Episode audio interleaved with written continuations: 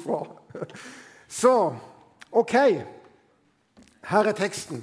Og nå, Siden vi nå sittet stort sett, kan dere få lov til å reise der opp. Og Så skal vi lese teksten mens dere står oppe, så får dere litt bevegelse osv. Og, og så leser vi den teksten som sier Der står det fra Jesaja kapittel 49. Juble, du himmel, og gled deg, du jord. Bryt ut i jubel, dere fjell, for Herren trøster sitt folk og barmhjertighet er barmhjertig mot sine hjelpeløse. Og Sion sier, 'Herren har forlatt meg. Herren har glemt meg.' Men kan en kvinne glemme sitt dine barn? En omsorgsfull mor, det barnet hun bar. Selv om de skulle glemme, skal ikke jeg glemme deg. Jeg har tegnet deg i mine hender. Dine murer er alltid for meg. Herre, dette er ditt ord. Hellige oss i ditt ord, for ditt ord er sannhet når vi ber om åpenbaring av ditt ord i Jesu navn. Amen. Kan jeg sette deg ned? Det var jo litt sånn som Den norske kirke. Der står vi oppe når vi leser Guds ord, og så setter vi oss ned. Får vi litt bevegelse. Eh, har, du, har, du, kjent på den følelsen i gang når en person, eller kan si barnet ditt, ble borte for deg? Kan dere kjenne den følelsen? Jeg har hatt den følelsen vi har fire barn og hatt den følelsen med egne barn. Du oppdager at barn er borte, så begynner du febrilsk å lete. Og så involverer du alle rundt deg for å finne den barnet som er blitt borte. Og så er det jo så på den andre sida at det er jo et barn der som forstår at plutselig er mor og far borte. Plutselig er de oppe. Opplevelsen av å være forlatt eller kanskje midt i en stor folkemengde, og ingen ser en når en føler Og det barnet kjenner at fortvilelsen øker. Og så kanskje tenker Har de forlatt meg? Har de glemt meg? Og på samme tid så løper foreldrene, og du har gjort det, og jeg har gjort det, febrilsk rundt for å finne det barnet som en er så uendelig glad i. Og kjenner på følelsen. Og så har vi vært gjennom ei veldig spesiell tid. En tid der mange barn, og spesielt unge og ungdom, men også voksne, har kjent på det å være forlatt, det å være glemt. Og kanskje har du kjent på det sjøl. Eller har du snakka med noen som virkelig har kjent på den ensomheten og forlattheten? Og så er det her Guds ord kommer til oss i dag. Kan en kvinne glemme sitt dine barn? En omsorgsfull mor, det barnet som hun bar. Og selv om de skulle glemme, så glemmer ikke jeg det. Skal vi se her. Og til det som er kjent nettopp i den tida, den forlattheten, opplevelsen av å være glemt, så sier Gud ja, kanskje er det ja, kanskje er det faktisk sant at mennesker har forlatt det. Mennesker har glemt. Kanskje ikke med vilje, men det er din opplevelse og din reelle følelse. Og så sier Gud, 'Jeg har ikke forlatt det. Jeg er ikke borte. Jeg er nærværende.' Og teksten begynte med det. For Herren trøster sitt folk og er barmhjertig mot sine hjelpeløse. Gud er til stede. Og så er det sånn at eh, vi er i Jesaja-boka. Jesaja levde ca. 700 år før Kristus. Og vi tror at hele Det gamle testamentet er Guds ord til oss. Og hele Det gamle testamentet her, Bibelen Og så er jo hoveddelen av denne Bibelen er jo Gammeltestamentet. Det peker fram mot én ting Jesus Kristus og det han skulle gjøre. Og I Isaiah-boka er det hovedsakelig noen profetier. og Første del av det består stort sett av domsprofetier, som Gud dømmer sitt folk og forklarer at de lever ikke på den måten som han hadde tiltenkt. Og Den andre delen så ser vi at han er mer konkret under en konge og snakker inn i en reell situasjon. Mens den siste delen, som vi er dette og henter fra, det er profetier om trøst som er oppmuntring og framtidshåp. Og Her er også noen profetier som på spesiell måte, bl.a. denne i Jesaja 49, peker fram mot Messias, mot Kristus. Nok om bakgrunn. Ser dere det bildet? Jeg sto i kunstmuseum, eller museum i St. Petersburg foran originalmodellen til Rembrandt sitt bilde av den bortkomne sønn.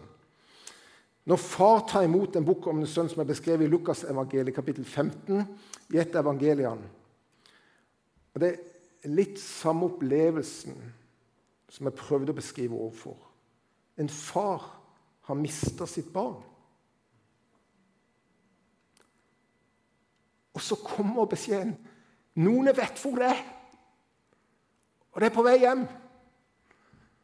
Og Det eneste han gjør da, det er å slippe alt han har i nevene. Og det tror jeg du, du også gjorde når du skjønte at å, barnet er der. Da tenkte du ikke jeg venter et par timer, så går jeg og henter det litt seinere. Gjorde du det? Du gjorde jo ikke det. Du slipper alt hva er, og så løper du for å få tak i det barnet og si at 'Jeg har ikke forlatt det. Jeg elsker det. Jeg er der. Du er ikke glemt.' Og det er det det bildet viser av Rembrandt. Hvilke bilder har du av Gud? Og hva har forma ditt bilde av Gud?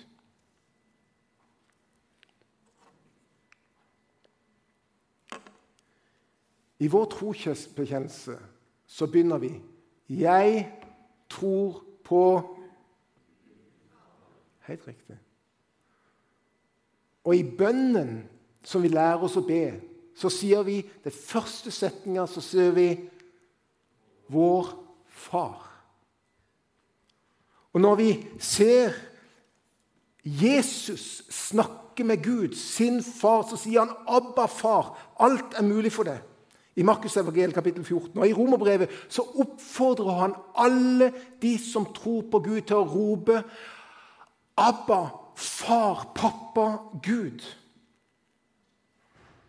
Og Galaterbrev 4 sier at ånden i oss roper Abba, far. Og I Efeserbrevet så kalles Gud den rette far til all som kalles barn i himmel og på jord. Hvordan er mitt bilde av far? Hva er en god far? Det er et tema som berører mange av oss som er eller har, er foreldre i en eller annen fase.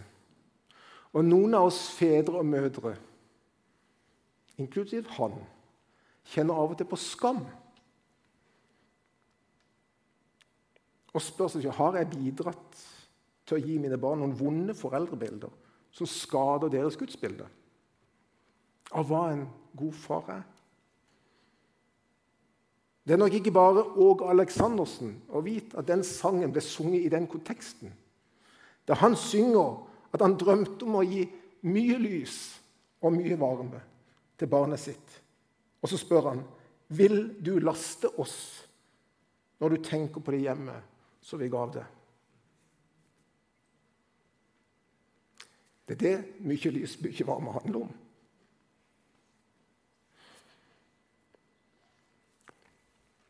Barna våre har vokst opp. Jeg tror ingen er her. Simon er ikke her. Du fikk han ikke opp? Nei.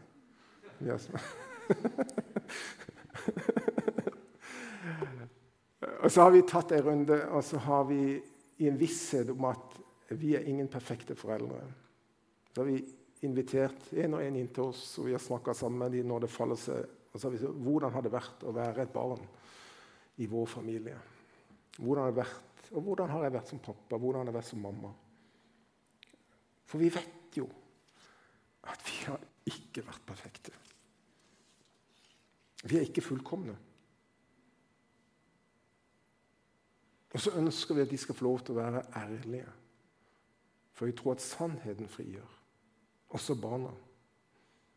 Og ærlig med det.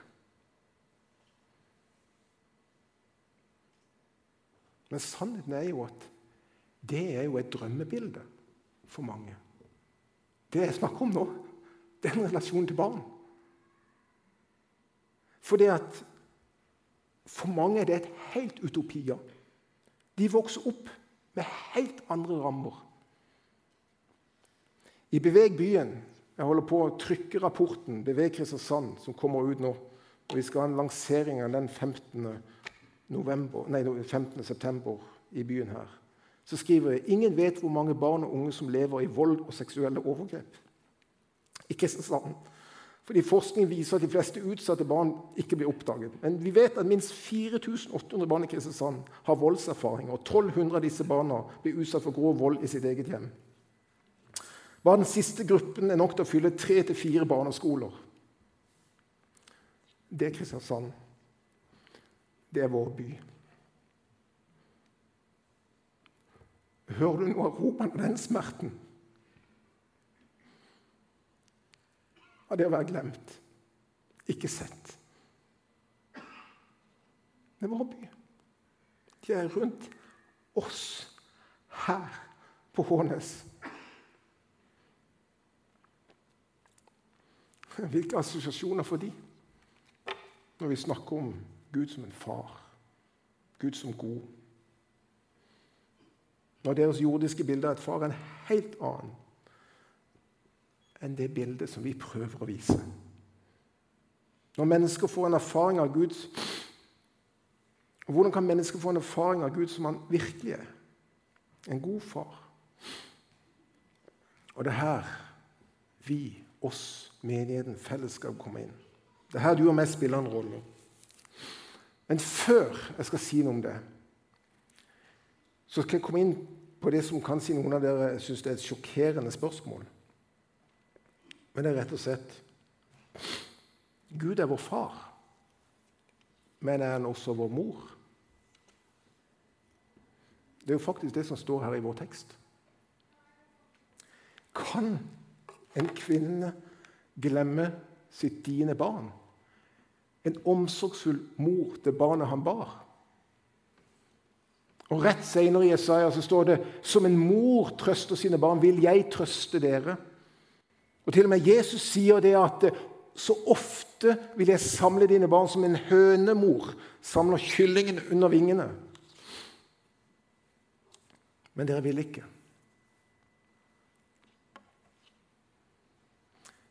Ut fra disse og flere andre bibelvers vil noen hevde at vi må begynne å bruke begrepet mor om Gud.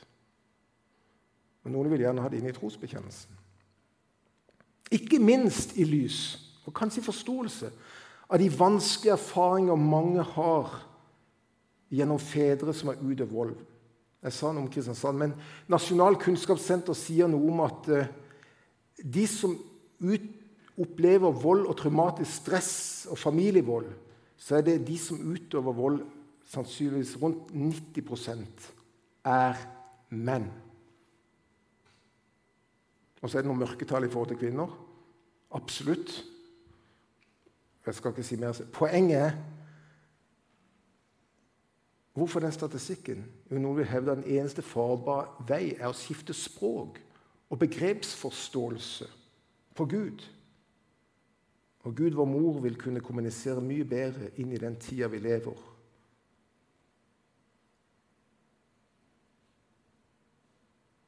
Og kanskje finnes det noen legitime grunner i Bibelen på å gjøre det. Men er det veien å gå? Å definere om språket og begrepene? Jeg har lyst til å rydde litt her. Når det er sagt, det er ingen uenighet om at Bibelen inneholder metaforer, bilder og lignelser der Guds egenskaper blir sammenlignet med objekter og dyrepersoner. Eksempelvis det er Gud blir sammenlignet med en fugl som verner ungene sine under sine vinger, en ørn som bærer sitt folk, en hyrde, en klippe, eller en mor, en kvinne. Men det betyr jo ikke at Gud er det han sammenlignes med. Det er en grunnleggende forskjell på Guds identitet som far og metaforer som beskriver egenskaper ved Gud. Og selv om Gud har kvinnelige egenskaper som varme, tålmodig, omsorg, medfølelse osv., betyr det ikke at det gir oss grunn til å kalle Gud vår himmelske mor. Gud lærer oss å be vår far. Og heller ikke den subjektive erfaringa og utfordringa som mange mennesker har, gir oss rett til å endre språk og begrepsforståelse. For Gud, som vi møter i Bibelen, er både maskulin og feminin. Både maskulinitet og femininitet er noe Gud har skapt. Gud skapte mann og kvinne, og han skapte dem i sitt bilde. Det betyr at både mann og kvinne ligner på Gud og viser hvem Gud er. Vi er speilbilder av Han. Å være selv i kroppen, enten mannlig eller kvinnelig, og uansett stammer de fra Gud, og ingen av kjønnene er mindreverdig i forhold til hverandre. Jesus bærer i seg begge deler, et sant og rett bilde og forbilde for alle, både mann og kvinne. Og Dette bekrefter Gud i Matteus, Jesus i Matteusevangeliet, der han sier Har dere ikke lest at Skaperen fra begynnelsen av skapte dem til mann og kvinne? Og Derfor skal mannen forlate sin far og sin mor, og de skal holde seg til sin hustru. Og de to skal være ett, så er det ikke lenger to. Deres liv er ett. Og nå er det litt sånn komplisert, vanskelig men dere forstår dette. Paulus skrev i forbindelse med ekteskapet som et stort mysterium. Nemlig som Kristus og Kirken. Efeserbrevet. Så kalles Kirken Hva er det han kalles for? Han er vår brudgom, og vi er hans brud. En brud er ganske feminin, er det ikke det? Kanskje, kanskje har Kirka blitt veldig feminin Nei, det var en spøk. det var litt sånn på sida. Men poenget er vi som kirke kalles Kristi brud. Og Det er jo derfor katolikkene kaller Kirka for mor. Som et hunnkjønn. Og med rette. Og Det er jo et vakkert bilde og et mysterium i den grad vi forstår det. Men vi kan ikke si det motsatte. Hvis menigheten da føler seg mindreverdig som brud, som kvinne, eller vil gjøre Gud kvinnelig og vil avvise ham som mann, så rokker det med hele forståelsen av kjønnsforskjeller, som er nedlagt både i skaperverket og i frelsesforståelsen i Bibelen. Og derfor er det, og litt av den kampen som står i samfunnet i dag, så utrolig viktig. Kvinner må ikke føle seg at de har mindre verd for Gud enn det menn har, og motsatt. Vi har fått ulike roller, vi er skapt med følelsesmessige og fysiske forskjeller, men vi er Guds mesterverk, hver enkelt, skapt som mann og kvinne. Jeg har I den senere tid Nå, nå skal jeg komme med et lite, sånn et, et lite stikk til oss som menighet. Og så er det også litt sånn utvida forståelse for meg også. Jeg har i det senere tid hørt på en podkast av Erik Ambrosius Steinhoff. Han er katolikk. Han er en av de skarpeste tenkende katolikker i Norge i dag. Fantastisk flott mann. Og Han legger ut om pavens bok. Jeg tror ikke at jeg er blitt katolikk. altså. Jeg er ikke blitt katolikk, Det er ikke fare for at jeg blir katolikk. Greit. Han legger ut om pavens bok 'Kroppens teologi', som paven skrev, og som er ei bok som er eh, interessant. Så Jeg hørte på alle hans podkast om den boka. Der grunngir han hvorfor katolikkene ser så positivt på enslig stand og det å leve enslig som et fullverdig liv her i denne verden.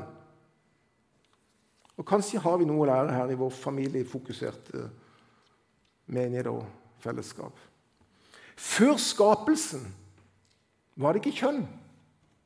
Og etter dette livet sier Jesus at i evig livet der verken tar vi til ekte eller blir gitt til ekte, men de er som Guds engler i himmelen. Indirekte sier det ordet at barnløse og enslige lever et fullverdig liv her i denne verden. Kjønnspolaritet tilhører bare den skapte verden, ikke det som var før, og ikke det som kommer. Det er ikke alt.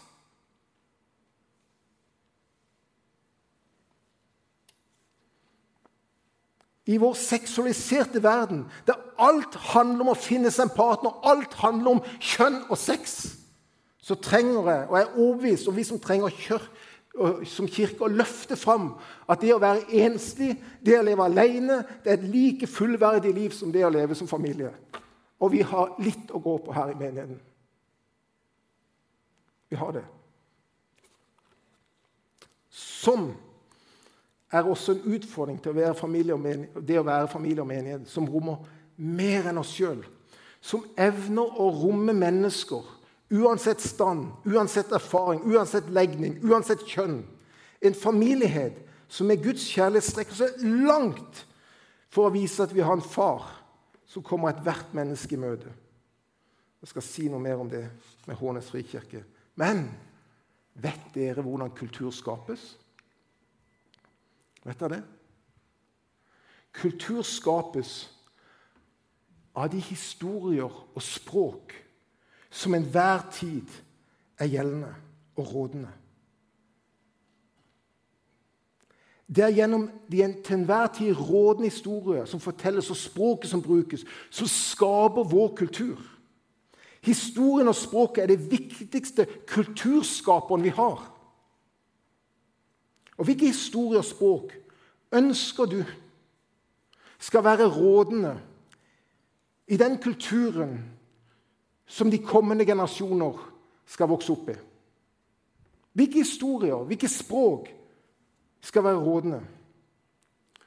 Og vet dere hva som skjer i dag? I dag skrives og ropes historier og fortellinger ut i media. Språk og begreper endres og en ny kultur formes. Vi har en radikal kulturendring på gang. Radikal kulturendring. Det er ikke forskjell på maskulinitet og femininitet. Barn trenger ikke både mor og far. Vi trenger omsorgsperson én og omsorgsperson to, og det er språket som kommer inn. Uavhengig av kjønn. Kjønn er for, for, er for øvrig noe subjektivt, ikke noe fysisk. Vi kan ha flere kjønn. Enhver må ha sex med hvem vi vil. Og Forrige uke så står helseministeren fram i media, og så har han uttalelsen Nå er vi snart der da vi kan gå ut og ha et one night stand. Tenk dere! Helseminister i Norge. Sitat slutt. Det er de historiene som former, og som former våre tanker. Historie og språk blir så massive og så kraftige at man til slutt begynner å tro det. Jeg begynner å tvile og spørre har virkelig Gud sagt. Kan det være sant hvordan Bibelen beskriver det? Det kan jo ikke gjelde i dag. Kan det gjelde i dag? Er det mulig? Og Så finnes det andre historier. Det finnes et annet språk. Og vi står i en kulturkamp. Og spørsmålet er om vi som kirke vil la Bibelens fortellinger og språk definere oss? Eller skal vi til enhver tid la de historier språket i kulturen rundt oss definere oss og forme oss? Den som lever, du og meg, et overfladisk kristenliv i tida som kommer, uten å være godt planta i Guds ord, lever i et nært fellesskap med Jesus i hverdagen og med andre kristne, kommer fort i en situasjon der kulturen rundt dem begynner å definere deres egen historie og språk. Utfordringen er at vi som kirke mister troen på vår egen historie. Vi slutter å bruke vårt eget språk. Vi blir tause. Det er så mye lettere å være taus. Vi er i denne verden, men ikke av denne verden. Vi som kirke må leve og fortelle en annen historie, en bedre historie. En historie som preger av Guds gode design og vilje for våre liv. En ekte, ærlig historie om livet, om mann og kvinne, om enslighet og tosomhet, der Gud er i sentrum i gode og onde dager, for det er virkeligheten. Og det er troverdig. Det er her i fellesskapet kommer inn. Guds bilde i denne verden er uttrykt gjennom mann og kvinne, gjennom hans brud, gjennom kirken, gjennom fellesskapet. Og kulturkampen vinnes ikke først og fremst med logiske argumenter, men gjennom historier om mennesker som velger å leve et annerledes liv. Det er de historiene som kommer til å forme språket og vekke mennesker. Et liv der ikke er sjøl i sentrum, men Jesus. Han har gitt meg som tjener for andre. Et liv der han har forstått at sann frihet finnes bare i forpliktelse. Og frihet er ikke uavhengighet. Og Det som ligger til grunn på det fokuset vi ønsker å ha i Hornes frikirke, hvor vi sier at vår visjon Vi snakker om 3G, og vi ønsker grupper, generasjoner og gudstjeneste. På fellesskap som evner å inkludere flere enn oss sjøl, der Guds hjerte får prege oss. At mennesker erfarer Guds karakter i oss som en kvinne som ikke glemmer sitt innbarn, en omsorgsfull mor eh, som, ikke, som, husker på det barnet hun bar, eller som den hjemmende far som løper sin sønn i møte. Og Vi har en drøm om å hver dag se mennesker erfare Guds kjærlighet. Vi arbeider litt med i denne covid-tida å bearbeide visjonen til Frikirka. og Her er et lite første utkast, og vi har endra noen ord. Men det står fast at vi ønsker å være en menighet som disippelgjør, og en generasjonsmenighet som fører mennesker til etterfølgelse av Jesus. Det er det vi ønsker. Men som et fellesskap der mennesker kan elske Gud og elske mennesker, men også være med og bevege verden rundt i og bevege byen. Og Mange av dere ser tegningene som vi av og til har brukt. Tegningene som ble, ble satt inn da vi starta menigheten. Der en ser grupper med mennesker som er i bevegelse, og de går sammen. Det er familier. Her er alle generasjoner. Her er enslige, her er alenemødre, her er fedre, alenefedre. Her er folk fra ulike nasjonaliteter.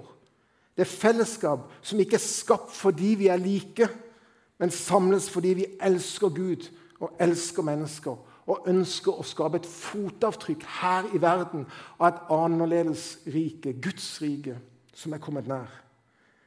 Et fellesskap som gir et bilde omkring at Gud er en god far, den rette far til alt som kalles barn i himmel og på jord.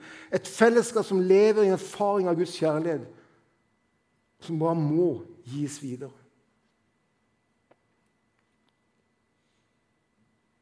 Kan du ta fram den følelsen der vi starta? Et følelsen av det barnet som er kommet bort. Et fellesskap som kjenner på den smerten, og som ønsker å oppsøke, lete etter, finne de som enda ikke kjenner Jesus Kristus og vet hvem han er. Han som døde for oss og som ønsker å føre oss inn i fellesskap med Gud. Et fellesskap som sprenger grenser, og det har vi her.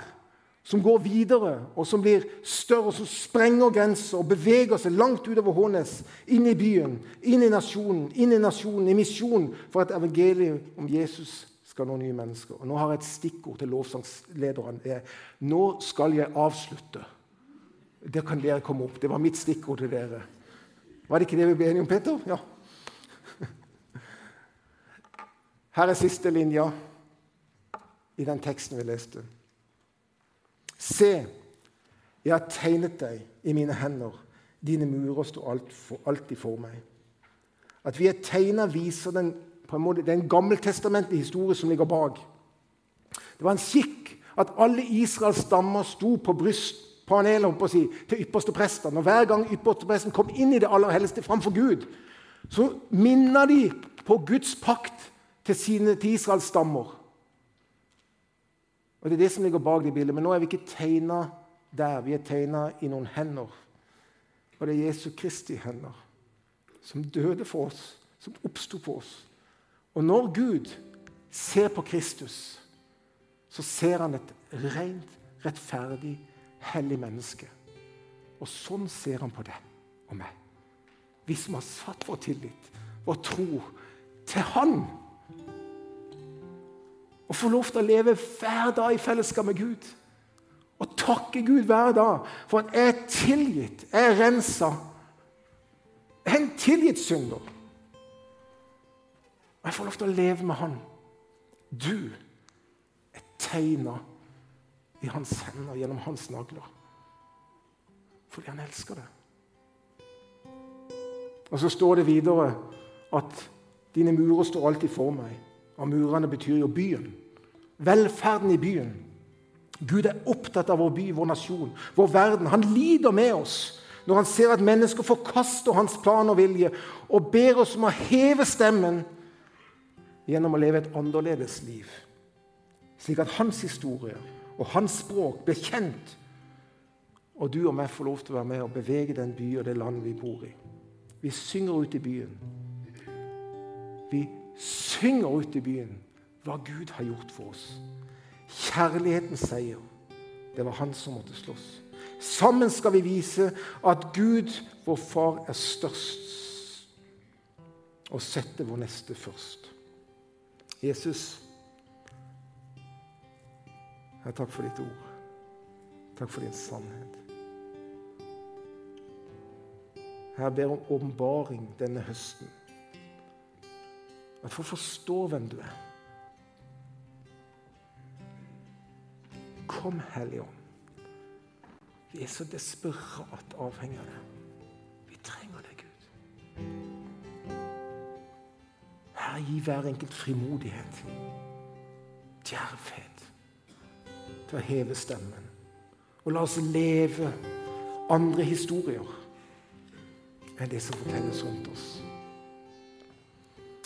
Jesu navn. Amen.